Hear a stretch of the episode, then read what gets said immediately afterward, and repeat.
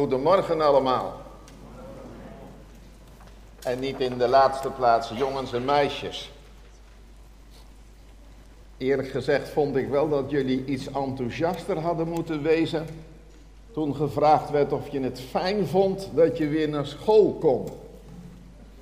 Want ik ben 35 jaar lang schoolmeester geweest.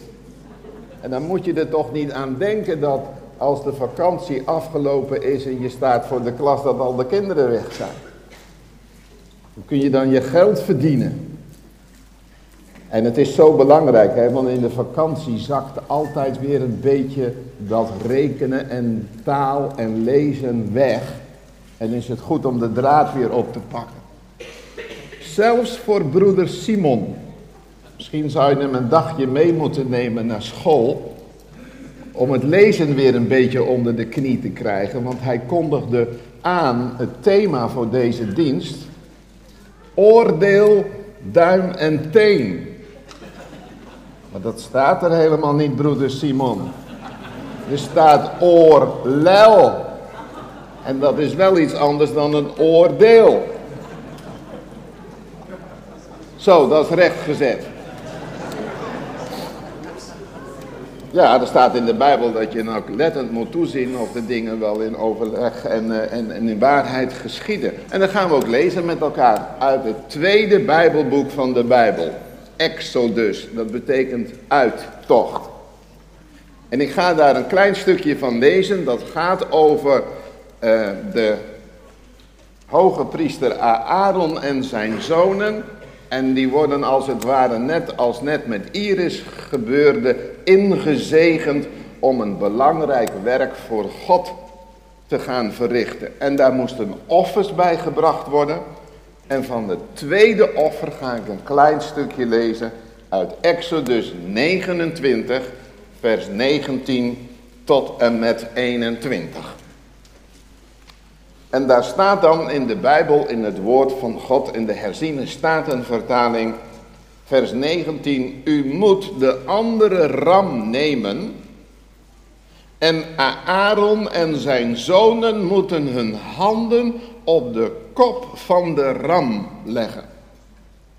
U moet de ram, dat is een mannelijk dier, slachten, wat van zijn bloed nemen en dat strijken, en nou komt het, op de rechter oorlel van Aaron en op de rechter oorlel van zijn zonen. Op de duim van hun rechterhand en op de grote teen van hun rechtervoet. Daarna moet u het overige bloed rondom het altaar sprenkelen. Dan moet u wat van het bloed nemen dat op het altaar is en van de zalfolie en dat sprenkelen op Aaron, op zijn kleding, op zijn zonen en op de kleding van zijn zonen met hem. Dan zal hij geheiligd zijn. Hij, zijn kleding, zijn zonen en de kleding van zijn zonen met hem. Thema dus, oorlel, duim en teen. Ik ben op dit moment aan het lezen, broeders en zusters, jongens en meisjes, in de vijf boeken van Mozes. Genesis, Exodus, Leviticus, Numeri en Deuteronomium. En heel veel verhalen die je leest zijn best goed te begrijpen. Ook gemakkelijk te begrijpen. Maar zeg nou zelf als je dit stukje leest. Dan komt toch al heel snel de vraag bij je boven. Waarom moesten er nou bij Aaron en bij zijn zonen bloed gesprenkeld worden op zijn rechter oorlel op zijn rechter duim en op zijn rechter grote teen. Dat, dat moet toch een betekenis hebben. Maar als je op school bent en je krijgt het vak biologie. Vroeger heette dat menskunde. Dan leer je heel veel over het menselijke lichaam. Dan leer je bijvoorbeeld, en wees maar blij dat je ze niet allemaal hoeft te leren, dat elk mens 163 verschillende botten heeft. Nou, de meeste, de belangrijkste ken je wel, vooral als je er eentje breekt. Dan vergeet je dat nooit meer. Maar hier wordt heel specifiek gezegd van drie lichaamsdelen. Besprenkel dat met bloed. En weet je wat nou zo mooi is?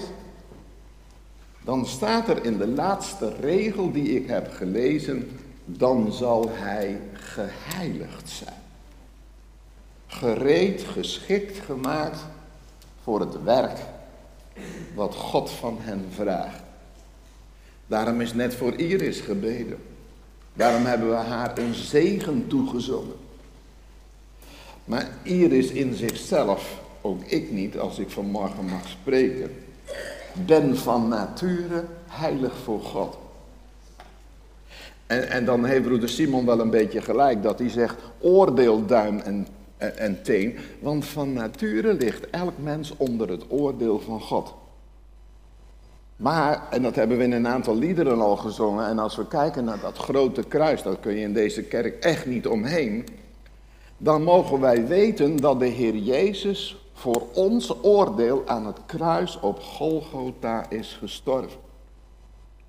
En, en, als je net als Iris en anderen die door deze gemeente zijn uitgezonden goed begrijpt wat dat voor jezelf betekent, Oh, dan wil je zo graag dat ook anderen daar weet van hebben. Dat ook anderen dat gaan zien, gaan begrijpen. Die de Heer Jezus Christus nog niet kennen. En God nam dat volk van Israël mee de woestijn in. En als je heel goed kijkt, dan zie je dat God helemaal niet voor de meest kortste weg heeft gekozen. God heeft ook niet voor de gemakkelijkste weg gekozen. Nee, God koos juist voor de moeilijkste weg die er was. Want ze waren nog maar amper aan vertrokken uit Egypte of wat gebeurde. De farao kwam aan weer achterna. En links en rechts van hen waren bergen. Achter hen naderden de legers van de farao. En voor hen doemde opeens de Rode Zee op grote paniek. Maar wat deed Mozes met die paniek? Met die paniek ging hij naar God toe. En toen zei de Heere God iets heel moois. Hij zei, ik zal voor jou strijden. Ik zal voor jullie strijden. Wees maar rustig en stil. En toen kwam er een wolk en een vuurkolom. Dat is een prachtig mooi beeld van de Heilige Geest. Als je je bekeert, zegt een prachtig oud lied, van Joos voor Christ. Pas dan komt de vrede. Waar we net ook van gezongen hebben. Heel diep in je hart. Nou, hier wordt een vredeoffer gebracht. En, en weet je wat zo bijzonder is? Op het moment dat ze ingezegend worden, moeten Aaron en zijn zonen hun handen leggen op de kop van een onschuldig dier. Letterlijk staat er eigenlijk dat ze met de zwaarte van hun gewicht op de kop van dat onschuldige dier moesten rusten.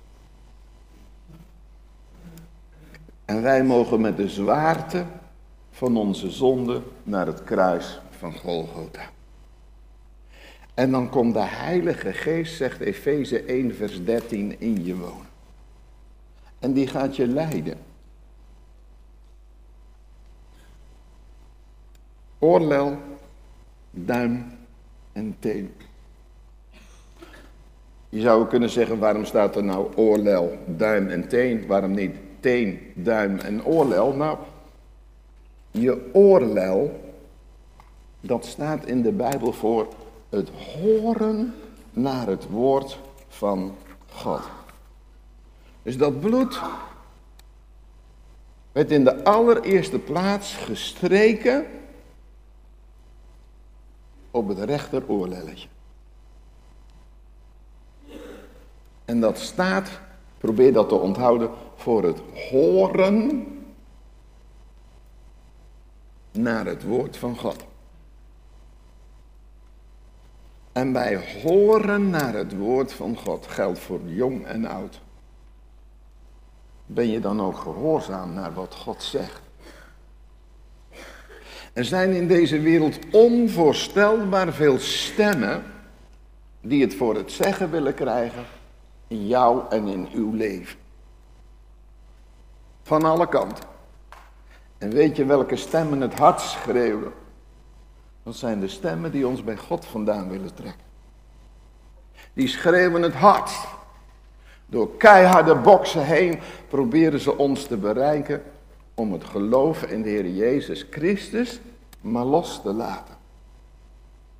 Maar in Romeinen 10, vers 17 staat een hele belangrijke tekst. Daar staat in Romeinen 10, vers 17, zo is dan het geloof uit het gehoor. En het gehoor door het woord van God. Als ik dan nou even heel simpel mag zeggen is, je kunt nooit geloven zonder dat woord van God. En ik weet zeker als je op een christelijke school zit, dat je een deze dagen weer gaat zingen. Lees je Bijbel en bid elke dag. Met andere woorden, geef dat woord van God een plek in je leven. Zodat je naar dat woord van God kunt luisteren. Israël moest ook luisteren. Israël moest luisteren naar de stem van God. En, en dat was heel gemakkelijk. Want God heeft dat volk door de woestijn heen geleid met een wolkkolom en een vuurkolom. En God had gezegd, als die wolk en die vuurkolom nou in beweging komt, dan moeten jullie afbreken en wegtrekken tot het moment dat die wolk en die vuurkolom stopt. Dus ze moesten elke keer naar boven kijken. Mogen we hier blijven of wil God dat we verder trekken? En zo wil God dat wij met zijn woord omgaan, jong en oud. Dat wij horen naar het woord van God. Want er staat in nummer 9, vers 23, op het bevel van de Heere sloegen zij hun kamp op. En op het bevel van de Heere braken zij op. Zij namen de voorschriften van de Heere in acht op het bevel van de Heere door het dienst van Mozes. Dus je ziet al in deze ene zin staat drie keer op het bevel van de Heer.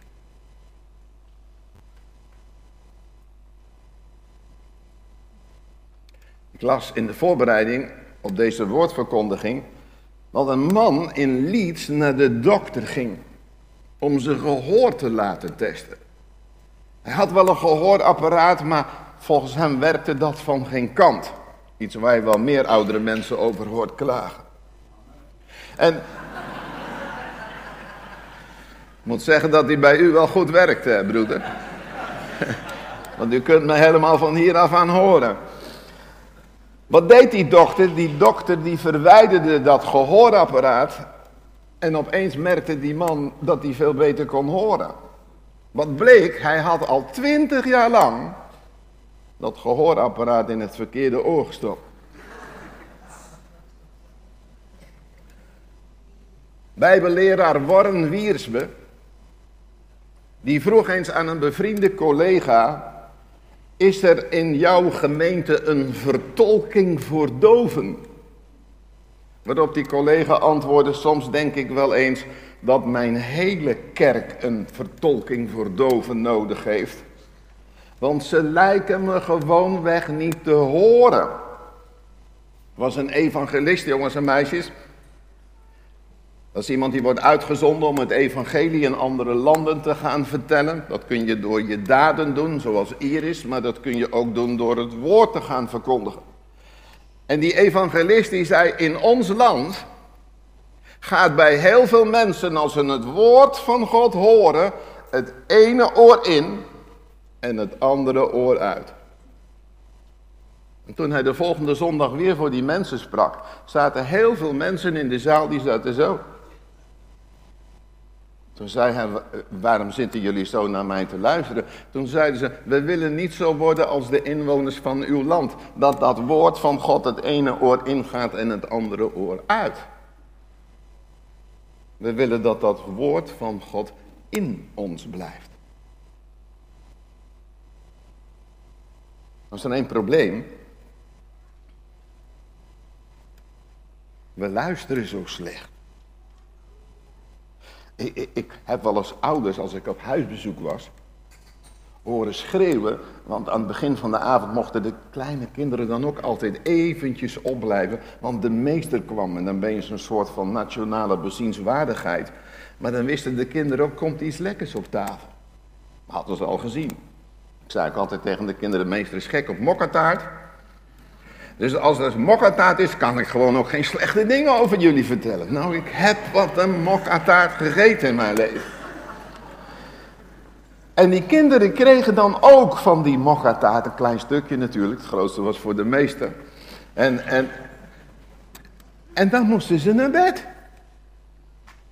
Maar die kleine dachten dan, er komt vast nog meer. En, en dat is zo mooi, hè? dan zit je daar als opvoedkundige te luisteren hoe ouders met dat probleem omgaan. En omdat dat de meeste erbij zit, ja, dan eh, moet je natuurlijk wel opletten wat je zegt. Maar dan hoor je op een gegeven moment de spanning toenemen. Hè?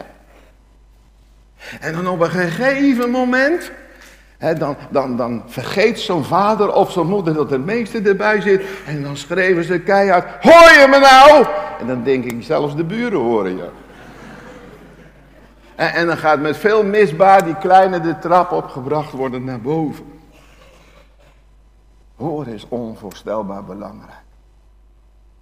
En, en, dank God dat hij je een oor gegeven heeft om naar zijn woord, naar zijn liefdestem te luisteren. Maar luisteren wil zeggen dat je doet wat God zegt. De Heer Jezus heeft heel vaak gezegd tegen de omstanders, zelfs tegen zijn eigen discipelen, wie oren heeft om te horen, laat hij ook horen. En als de apostel Johannes verbannen is, gevangen gezet wordt op het eiland Patmos, dan moet hij zeven brieven gaan schrijven aan zeven verschillende gemeentes. En in elke brief lees je dan dit zinnetje. Wie oren heeft om te horen, die horen wat de geest tegen de gemeente zegt. En dan brengt mij bij de rechterduim die rechterduim van jou en mij, die is ook zo belangrijk. Weet je waarom? De apostel Paulus zegt in de Korinthebrief dat je eigenlijk dit moet weten als je gelovig bent, dan is je lichaam niet meer van jezelf. Dat is van God. En het is ook een tempel, als het goed is, van de Heilige Geest die in u is en die u van God hebt ontvangen. Dus zegt Paulus, je bent niet meer van jezelf. Je bent immers duur gekocht door de heiland aan het kruis op Golgotha. Verheerlijk daarom God in uw lichaam en in uw geest die van God zijn. Dus een leven met oren aan de Heere gewijd. Weten jullie wat Samuel, toen hij zo klein was, door zijn moeder bij de tempel werd gebracht? Want hij als eerste van de Heer God moest leren. Dat had Eli hem nog wel geleerd. Met zijn zonen was dat niet zo gelukt. Maar hij zei, als God nou tot je spreekt, dan moet je dit zeggen. Spreek, heren, want uw dienstknecht hoort. Ik wil heel eerlijk tegen jullie zijn. Ik heb het wel eens zo belangrijk gevonden dat ik mocht spreken, dat ik kon spreken, dat ik hier kon staan.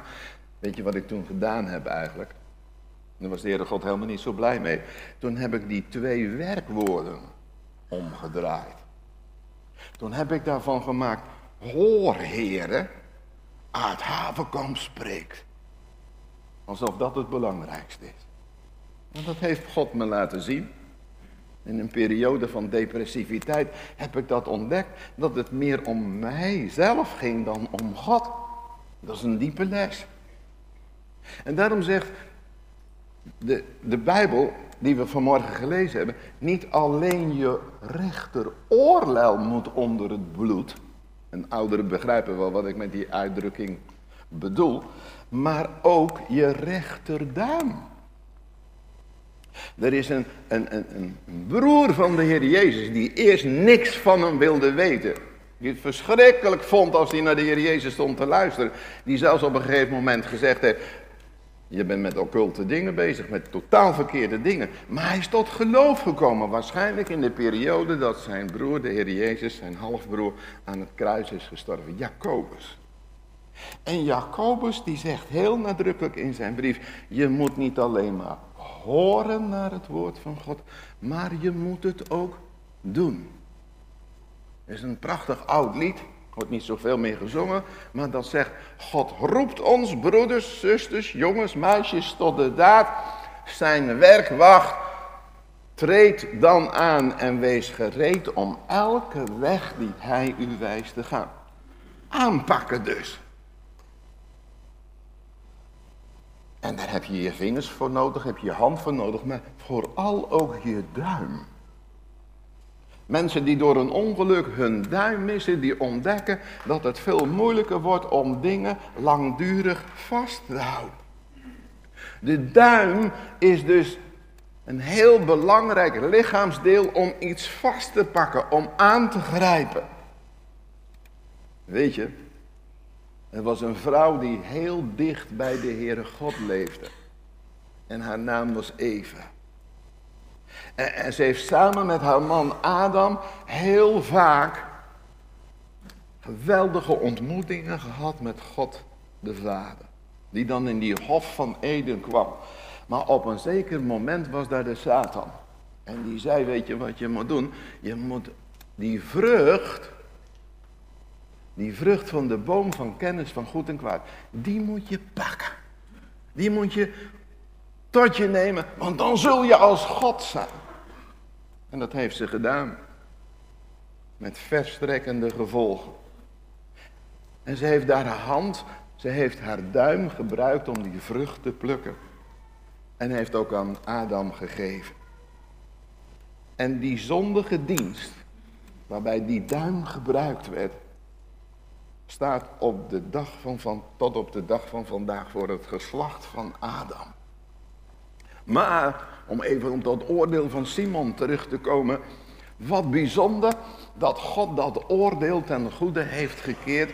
Want hij heeft een tweede Adam gegeven, de Heer Jezus Christus. En wat de eerste heeft bedorven, heeft de tweede weer goed gemaakt.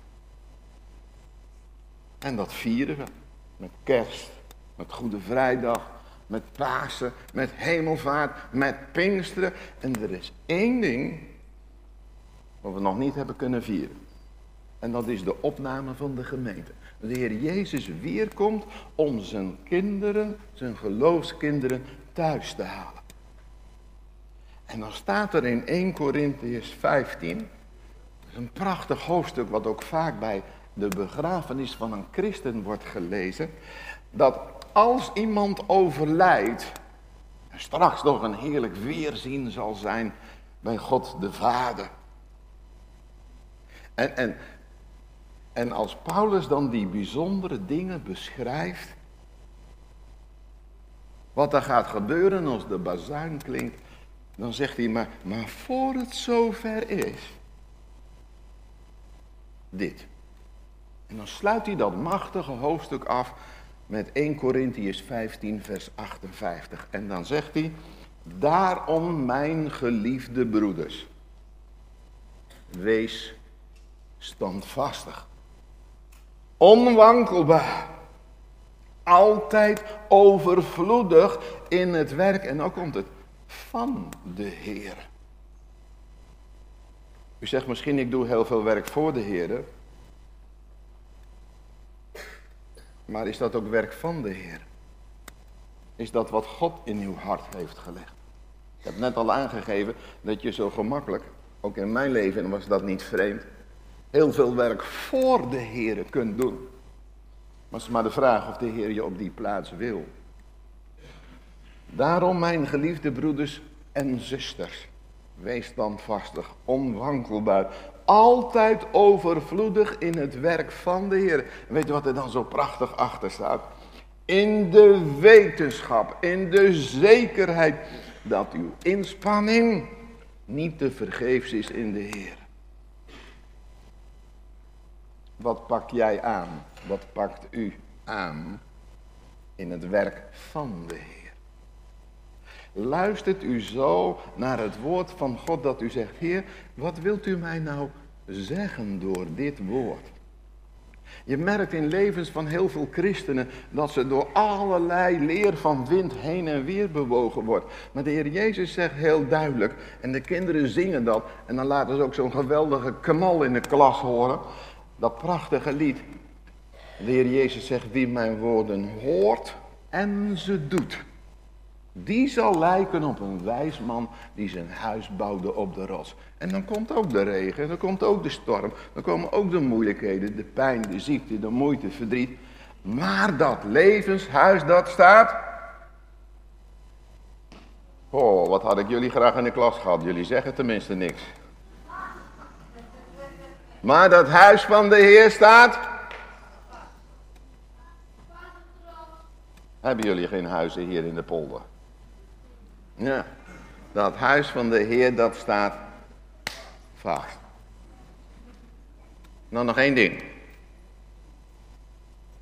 Ik zal me niet vragen of je hem wilt laten zien. Dat is met je rechter oorlel en met je rechter duim wat makkelijker, maar je rechter grote teen. Weet je, als je bepaalde lichaamsdelen door een, een ziekte of een een ongeluk moet missen, merk je pas wat ze in je lichaam betekenen. En dat geldt ook voor die rechter grote teen. Mensen die die teen missen, die merken dat ze opeens moeite krijgen met het gaan. Is voor de richting bepalen buitengewoon belangrijk. Het is misschien wel het meest onedele lichaamsdeel, zeker als je aan het ouder worden bent. Maar het heeft ons alles te zeggen met welke koers bewandel jij nou in je leven? Welke richting ga je nou uit? Kijk, en de Heer Jezus die zag in zijn tijd al dat heel veel mensen problemen hadden. En dan zegt hij tegen die mensen, kom nou allemaal bij mij. Als je vermoeid en belast en ik zal je rust geven, die ontvang je. Maar er is een rust voor je ziel, die moet je vinden. En hoe? Nou, dan zegt de Heer Jezus net als een onderwijzer, een onderwijzeres, een juffrouw, meester. Leer van mij.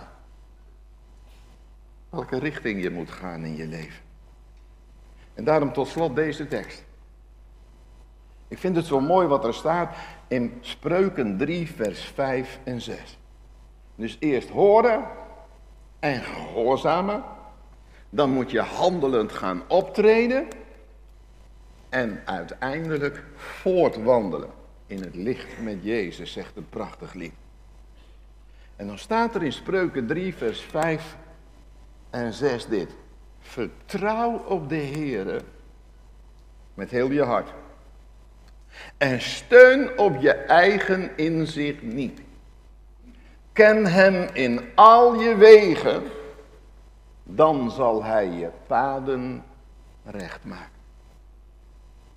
Wil je dat voor het komende nieuwe schooljaar? Als je naar de middelbare school gaat, als je misschien gaat studeren. Wil je dat God je paden recht maakt? Door niet alleen maar te horen met je oren, maar ook te gehoorzamen en aan te pakken wat hij je aanbiedt.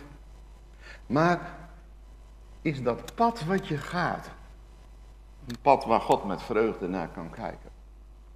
Zoals God tegen de Satan zei, kijk eens naar mijn knecht Job. Oh, wat geniet ik van Job. Hoe hij bezig is in zijn gezin, in zijn arbeid. Ik zal maar niet aan jullie vragen hoe oud ik ben.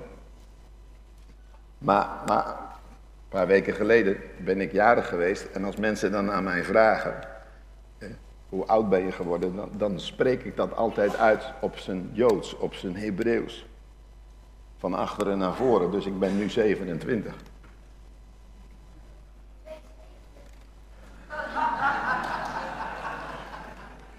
ben blij dat ik jou niet in de klas had, want jij bent te slim voor mij. 72, heel goed. Ja, ik weet wel, dat zou ik niet zeggen, maar uh, 27, 72. Eh, deze tekst moet je van achteren naar voren lezen.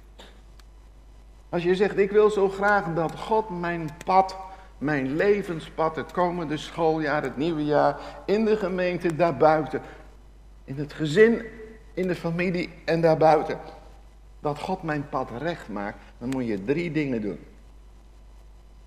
Ken hem in al je wegen. Praat die dingen met God door. Steun niet op je eigen inzicht. Dus begin niet te zeggen, maar ik weet het beter. Heel veel mensen die dat gezegd hebben, hebben later gedacht, had ik dat maar nooit gedaan. Dus steun op het inzicht wat het woord van God je vertelt. En als derde, vertrouw dan op de Heer met heel je hart. Ook al zie je er nog niks van. Maar je hebt zijn belofte. Dat hij je paden zal rechtmaken. In 1 Petrus 1 zegt Petrus, die eerst altijd iets zei voordat hij na ging denken. Als hij tot geloof gekomen is en de Heilige Geest heeft ontvangen. In 1 Petrus 1 vers 17. Als u hem als vader aanroept, die zonder aanziens des persoons naar ieders werk oordeelt. Heel goed. Wandel dan in de vrezen des Heren, gedurende de tijd van uw vreemdelingschap, in de wetenschap dat u niet met vergankelijke dingen, zilver of goud, vrijgekocht bent van uw zinloze levenswandel, maar met het kostbaar bloed van Christus, als van een smetteloos, onbevlekt lam. Zullen we samen danken en bidden? Ja, liefdevolle vader, wat is dat geweldig om dat op deze stralende zondag te mogen horen uit uw eigen mond. Want u spreekt nu in deze tijd tot ons door uw woord en door uw geest. En de psalmist van Psalm 25, die zong al en die bad al, Heere, maak mij uw wegen door uw woord en door uw geest bekend. En dan moeten we daarnaar luisteren. Maar dan moeten we ook handelend gaan optreden en doen wat u tegen ons zegt. En waar begint dat? Dat begint thuis. Want we hebben onze kinderen ontvangen en wellicht ook hier opgedragen aan u in deze gemeente. En dat betekent dat we het aan u teruggegeven hebben en we het mogen lenen om hen de weg naar u te leren. En wilt u nou geven dat wij als ouders, ook in het komende jaar als onze kinderen naar school gaan, als ze naar alle waarschijnlijkheid ook met dingen geconfronteerd worden die moeilijk voor hen zijn. Of die lijnrecht tegen het woord van God, de Bijbel, indruisen omdat onze regering zich steeds meer met de inhoud van het onderwijs gaat bemoeien. Dan bid ik u of ze thuis zullen ervaren dat dat een veilig plekje is. Dat ze aan het leven van papa en mama, opa en oma zien, die leggen hun oor te luisteren bij de God die ons in de Heer Jezus Christus tegemoet is gekomen. Heer, ik bid u voor allen die in het onderwijs geroepen zijn om dat stendingsveld wat ze de komende dagen weer in de klas krijgen, toevertrouwd te leiden als een stukje van uw kudde. Wilt u ze helpen om in deze wereld waarin allerlei stemmen zich opdringen, vast te klemmen aan uw woord zodat ze vasthoudend zijn. Onwankelbaar. Steeds overvloedig bezig met het werk van de Heer.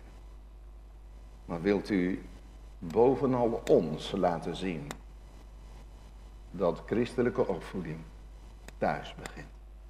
En dat ze vanuit die veilige haven, vanuit die fontein van uw vreugde, de wereld in mogen gaan. Wilt u hen zo nabij zijn als ze voor het eerst naar school gaan? Naar een nieuwe klas, naar het middelbaar onderwijs. Waar het nog moeilijker wordt om voor je geloof uit te komen. Te bidden voor je eten en voor je drinken. Heer, wilt u uw handen zegenrijk leggen. Elke jongen, op elk meisje hier in deze samenkomst. En raak hun oorlel aan. En hun rechterduim. En hun rechter grote teen. Zodat ze al jong leren. Zoals Billy Graham dat ooit eens zei. Toen ik negen jaar was, heb ik mijn hart aan de Heer Jezus gegeven. En ik heb later op de middelbare school en op de universiteit gemerkt dat ik voor heel veel dingen bewaard ben gebleven. Waar ik geen last van had. Maar mijn medestudenten wel. Zegen hen zo om tot zegen te zijn. Glorie voor uw grote naam. Maranatha. Halleluja. Amen.